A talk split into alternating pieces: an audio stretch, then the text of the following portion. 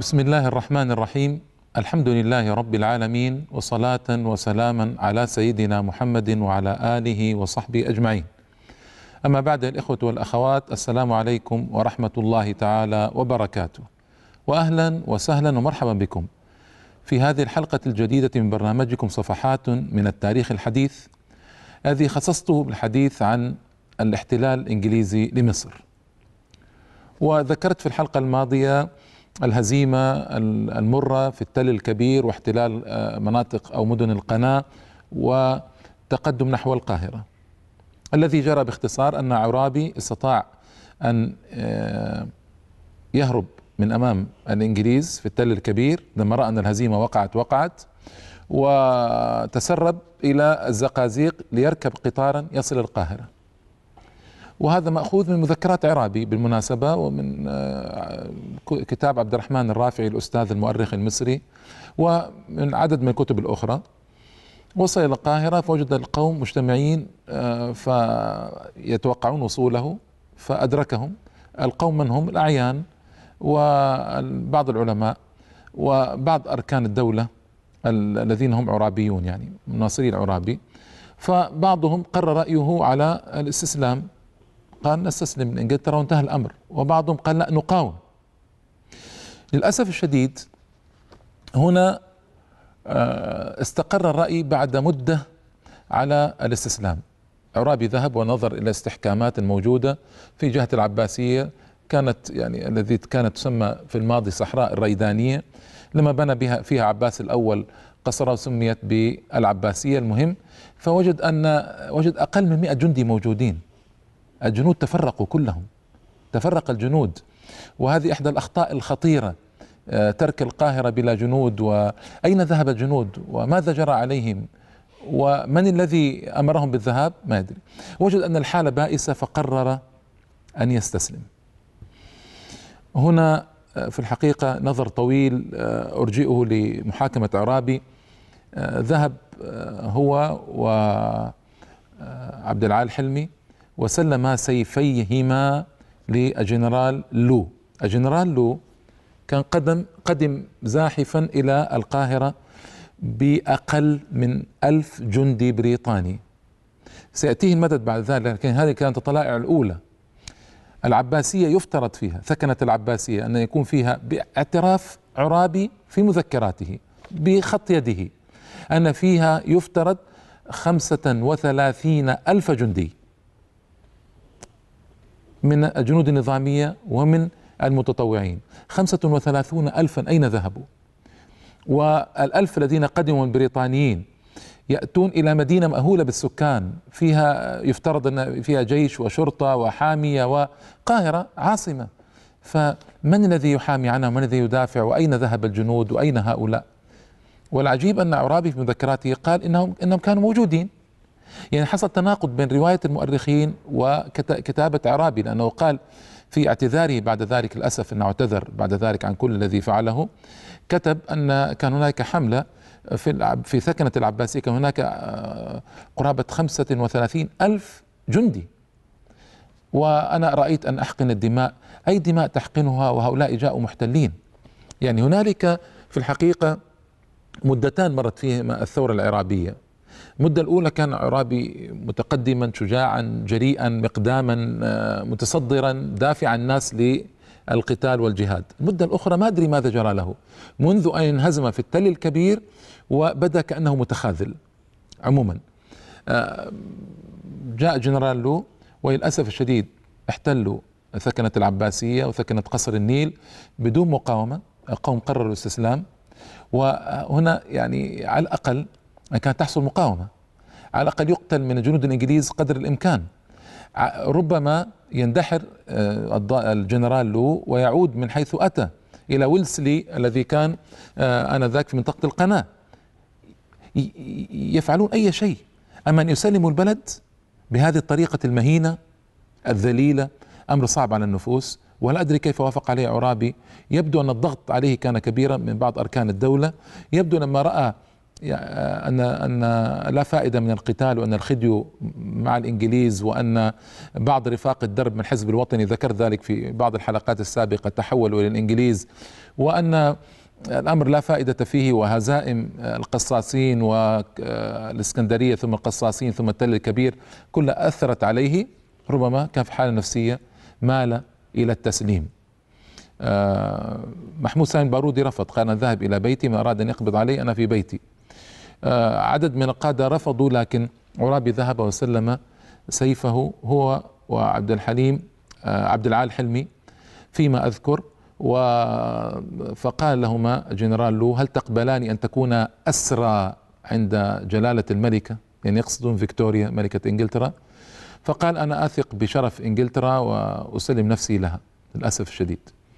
فسلم نفسه وابتدأ دخول الإنجليز ودخل الجنرال ويلسلي ودخل الإنجليز كلهم بعد ذلك إلى القاهرة للأسف بدون مقاومة. آه، والذي حصل أن بدأ القبض على أعيان المصريين والضباط الكبار وأركان الدولة. تسعة وثلاثون ألفا قبض عليهم وأودعوا السجون. انظروا لشرف إنجلترا الذي سلم نفسه إليه عرابي للأسف الشديد. تسعة وثلاثون ألفا من العلماء والضباط وكبار أركان الدولة والوزراء وكلهم أودعوا السجون في طريقة ذليلة ومهينة. وبدأت محاكمة عرابي. وعين له آه، محاميان إنجليزيان. للأسف الشديد. عين له محاميان إنجليزيان. والعجيب أن المدعي عليه كانوا من المصريين. والمحامي كان من الإنجليز. يعني يحصل أشياء في هذه الدنيا عجيبة وغريبة. آه للأسف أيضا أن عرابي اعترف بجريمة هكذا بجريمة عصيان الخديوي والتمرد عليه. اعترف بهذا كتابة. وكتبه محاميه. محاميه كان إنجليزي انجليزيا كتب الوثيقة باللغة الفرنسية. يبدو أن النظام القضائي كان معتادا على ذلك ما أدري. لكن كانت مأساة. كل زعماء الثورة قبض عليهم. عرابي باشا محمود سامي البارودي باشا رئيس الوزراء السابق والشاعر الكبير والأديب ومن تولى قبل ذلك وزارة الأوقاف ووزارة الحربية ورئاسة الوزراء في مصر قبض عليه. علي فهمي باشا عبد العال حلمي باشا محمود فهمي باشا أركان حرب في الجيش كل هؤلاء كلهم قبض عليهم زعماء السبعة كلهم قبض عليهم وقبض على مجموعة ضخمة جدا. واودعوا السجون كما قلت لكم بطريقه مهينة جدا. آه، قبض على عبد الله باشا فكري آه، وزير المعارف في وزارة البارودي رجلا صالحا صاحب كتب في تربية البنات وكذا. مشهور عبد الله باشا فكري. آه، حسن باشا الشريعي وزير الأوقاف في وزارتي إسماعيل راغب باشا ووزاره البارودي. فحكم عرابي واستقر رأي الإنجليز على أن يقدم عرابي وصحبه أمام المحكمة العسكرية بتهمة عصيان الخديوي. وأن يعترفوا بجرمهم. أنت محاكم محاكم. وسيحكم عليك بالإعدام سيحكم عليك بالإعدام. فلماذا تعترف؟ أي جريمة ارتكبتها أنت؟ أنت كنت بطلا في نظر الشعب وتقدمت صفوف وقاتلت حتى يخرج الإنجليز من مصر. ورأيت أن الخديو عميل للإنجليز فقاتلت. فلأي جرم ارتكبته أنت؟ وأي جرم تعترف به أصلا؟ وهل تظن أنك عندما تعترف بجرمك سيخفف عنك الإنجليز الحكم أو أن القضية بيتت بليل والأحكام بيتت بليل كلها. فلماذا لم تظهر في المحكمة موقف قوي وقوي جدا؟ آه، مشرف تختم به حياتك وليكن ما يكون.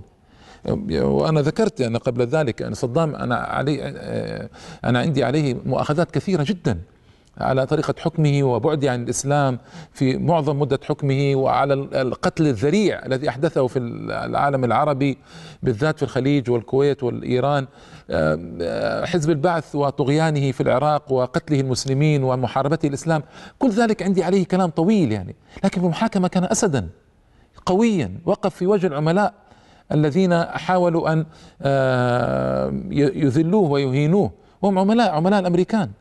فكان واقف موقف هائل وهائلا جدا. هو يعرف النزول فلذلك يعني عرابي ما كان موقفه موقفا في الحقيقة مناسبا ابدا كان متخاذلا جدا بالذات لمن طلع على مذكراته وألفاظه وهو يرجو الإنجليز ويرجو المحكمة بصورة كانت يعني صعبة جدا. جرت المحاكمة ويصدر مع المحاكمة مرسوم بمصادرة أملاكهم.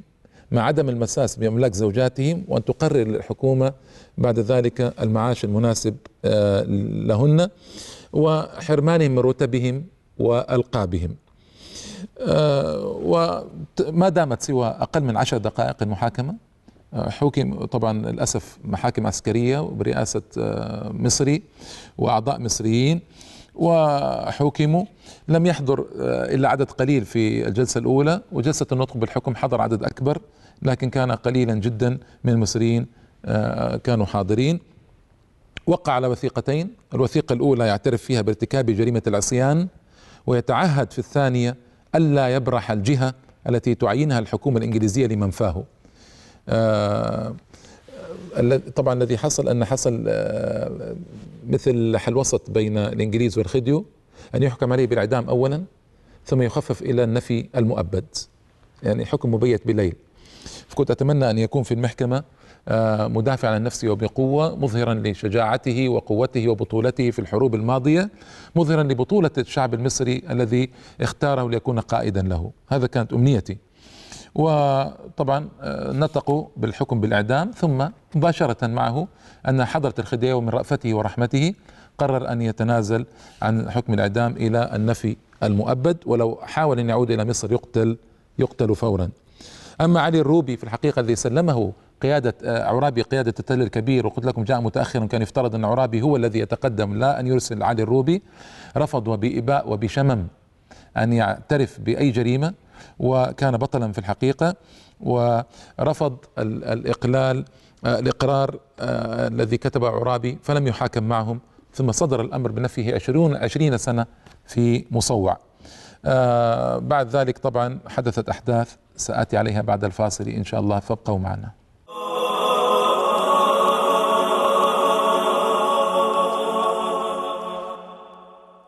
السلام عليكم مرة أخرى بعد الفاصل أيها الإخوة والأخوات. آه، حكم على كل الضباط السبعة بالحكم نفسه بالنفي إلى آه، خارج مصر النفي المؤبد.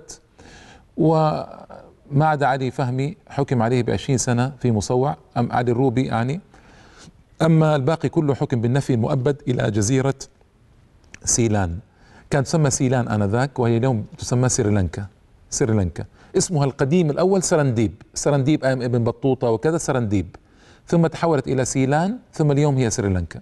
كانت أيام عرابي سيلان فحكم عليه بالنفي إلى سيلان وكما قلت لكم حرم من أملاكه كلها وعين المعاش الضروري لحياته في آه، سيلان. وذهب الضباط السبعة مع ضابط إنجليزي وأودعوا آه، في سيلان في مدينة كولومبو تركوا هنالك وليعيشوا في آه، سيلان إلى أواخر حياتهم. أقام عرابي وزملائه ستة في جزيرة كانت حياتهم في المنفى حياة ألم وحزن وبؤس وشقاء. للأسف شديد بدأوا يتلاومون. عوض أن يقوي كل منهم نفسية الآخر ويقول له نحن خدمنا ديننا وبلادنا ونحن خدمنا القضية ويكونون أقوياء عظماء في المنفى كما كان عبد الكريم الخطابي. عبد الكريم الخطابي كان أسدا في منفاه نفته فرنسا ونكثت بوعدها معه 21 سنة في جزيرة رينيون. 21 سنة. ورجع بعد ذلك إلى فرنسا في الطريق بحيلة ما أنزله المصريون في زمن فاروق وجاهد إلى أن مات ضد الفرنسيين في مصر وفتح مكتب المغرب العربي.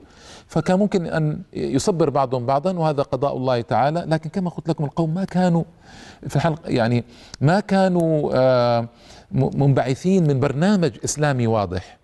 ما كان للاسف الشديد وأنا أقول ذلك ما كانت الثوابت الإسلامية هي التي تدفعهم و آه، مشاعرهم وعواطفهم وعقولهم وقلوبهم للأسف الشديد. آه ولم يكترث لهم أحد ولم يعطف عليهم أحد ولم يذكرهم أحد للأسف الشديد. والبارودي قال شعرا رائعا جدا في منفاه وتكلم عن حياتي وحياة زملائه وحصل له أشياء كثيرة ووقع الخصام بينهم للأسف وأقبل بعضهم على بعض يتلاومون وبدأ الخصام أول ما وقع بين عرابي وطلبة باشا وعبد العال حلمي مع أن عبد العال حلمي من أقرب المقربين والساعد الأيمن لعرابي آه، انتقل البارودي بعد أن تزوج ابنة يعقوب سامي باشا آه، طبعا نفي معه آه، تزوج وانتقل إلى كاندي مدينة. في الجبال في سريلانكا سيلان. وتبعه مجموعة ثم تبع عرابي واستقروا جميعا في كاندي. وكان يعني لهم كان البارودي يخطب كان عرابي يخطب بالعربية ويعلمان العربية. كان لهم بعض الفوائد في سيلان آه، في الحقيقة لا بأس بها. آه، مات الضباط واحدا بعد الآخر في سيلان. محمود سامي البارودي أصيب في عينيه آه، بارتشاح في القرنية. ثم عمي فاستعطف الحكام في مصر وعاد إلى بلاده مكث قليلا قرابة أربع سنوات ونيف ومات رحمه الله تعالى محمود سامي البارودي. آه، في حياته في القاهرة الأخيرة كان يأتيه حافظ وشوقي ويسمعان منه القصائد الرائعة وهو أبو أبو الشعر القوي الحديث أن كان الأدب المصري والعربي عموما في انحدار شديد. البارودي أول شاعر مفلق جاء وأظهر الشعر القوي قبل شوقي وحافظ هذه المجموعة. آه، أيضا آه، بعد ذلك عرابي عاد بوساطة من الإنجليز. كان هناك عباس حلمي الثاني. آه، كان هناك رجل ولي عهد لبريطانيا زار سيلان ودخل عليه عرابي واستعطفه للأسف بصورة لا تليق بزعيم وطني كبير ومجاهد كان. المهم حصل وتوسط له الإنجليز وعاد أيام الخديو عباس حلمي الثاني عاد إلى مصر. وعاش حياة في مصر يعني كلها بؤس وشقاء وتوفي بعد عودته بإحدى عشرة سنة سنة 1911 آه، آه، تقريبا توفي يعني قبل أقل من 100 سنة ولما التفت إليه أحد ولا درى به أحد وللأسف تصريحاته لما عاد كانت تصريحات كلها اعتذارات عما صنع وكلها ميل نحو الإنجليز بصورة غريبة وعجيبة. آه، أنا ما أريد أن أقرأ عليكم نصوصا القلب لا يتحمل وما أريد أن أشوه يعني صورة هذا الزعيم الكبير آه، في نفوسكم وقلوبكم لكن في الحقيقة آه، عودته ما كانت في صالحه وتصريحاته بعد العودة. ليته أعتزل مثل بارودي وسكن في بيت ولا يدري عنه أحد. لا حفظ له التاريخ ذلك لكنه بدأ بتصريحات ما تليق لا به ولا بجهاده ولا بشرفه العسكري. ويعني الأمور ما كانت مناسبة أبدا. المهم آه، وجلب آه، أيضا سخط الرأي العام بأحاديثه لأنه جاء جاءت هذه الأحاديث في مدة كانت الشارع المصري يغلي بالوطنية وبإرادة الاستقلال وبجلاء الإنجليز و و و و وبوادر ونذر الحرب العالمية على الأبواب. فيعني ما كان مناسبا ابدا حديثه ولا كلامه. آه، أيضا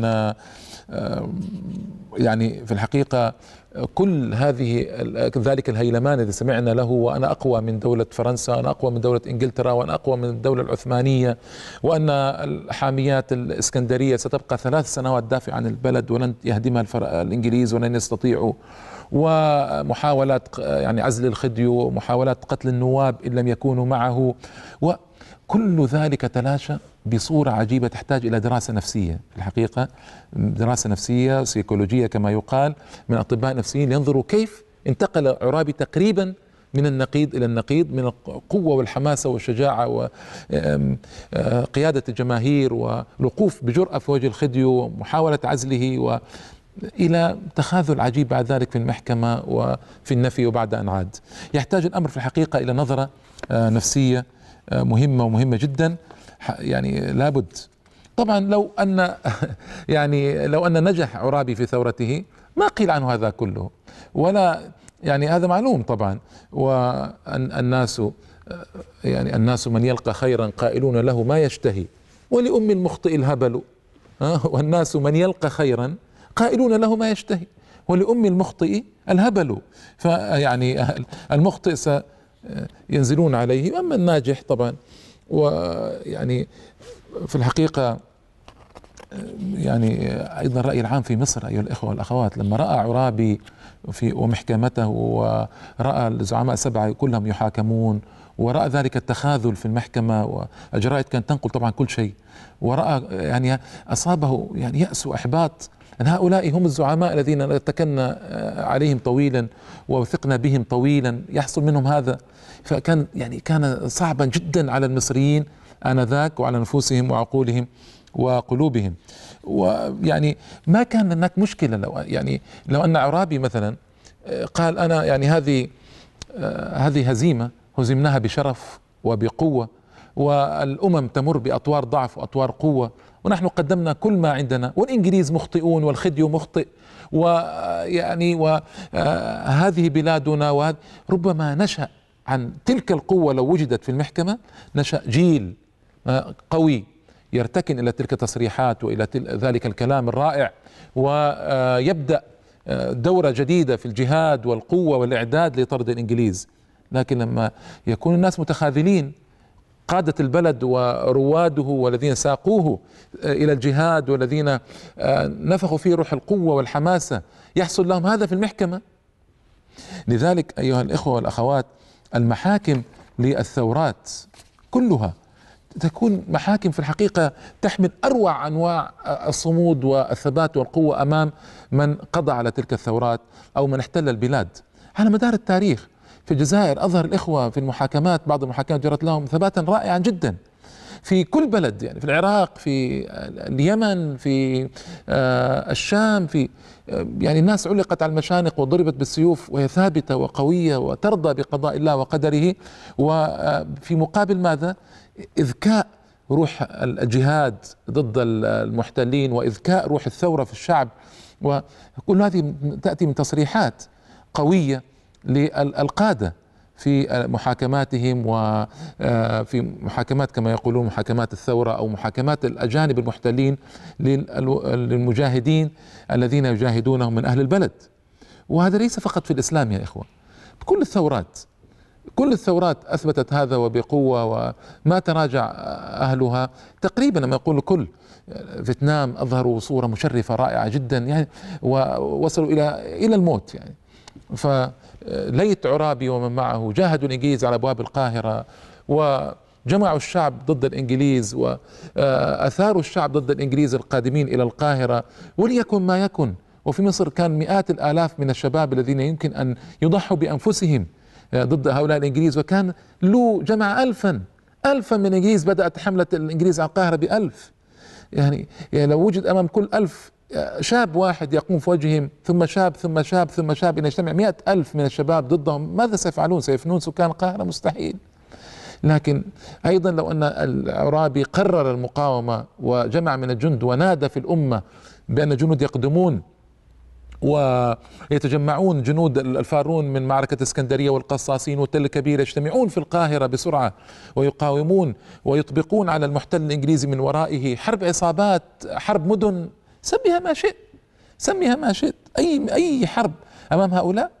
اليهود اليوم بعد ما ضربوا غزة 23 يوما 23 يوما ضربوا غزة ما استطاعوا بدباباتهم وطياراتهم المتقدمة وراداراتهم ووسائلهم المتقدمة جدا جدا جدا مقارنة بالإنجليز قبل 100 سنة طبعا. ما استطاعوا أن يصنعوا شيء لغزة. ما استطاعوا أن يصنعوا شيئا. وقف أمامهم آه، أبطال غزة آه، يقاومونهم بأعتاد عسكري أقل بكثير جدا مما عند اليهود. فأنا أقول يعني آه الذي جرى من احتلال القاهرة كان احتلالا مضحكا جدا. ما كان احتلالا أصلا. كان تسليما للبلد إلى الإنجليز. هذا الذي حصل. وما هناك مقاومة. جرت مقاومة نوعا ما مشرفة بالإسكندرية مقاومة في القصاصين تل كبير. لماذا لم تحصل مقاومة في القاهرة؟ فأنا أقول في النهاية سنأتي لتقويم الثورة العرابية بالكامل في الحلقة القادمة إن شاء الله تعالى. لكن آه الذي جرى كان مؤلما. ويحز في النفوس والقلوب وكنت أتمنى أن يجري غيره لكن هذا قضاء الله تعالى قضاء الله تعالى. نسمع ونستفيد وهذه العبر والعظات كلها تكون نبراسا مضيئا لنا إلى مستقبل أفضل إن شاء الله تعالى وإلى جيل جديد يتحمل مسؤولية بقوة ويقدم الصفوف ويتقدم وينصر أمة الإسلام ويعليها ويجعل لها الريادة والمجد والسيادة من جديد. وإنا لفاعلون إن شاء الله تعالى وإنا لمنتصرون. وإلى اللقاء حلقة قادمة الإخوة والأخوات. والسلام عليكم ورحمة الله تعالى وبركاته.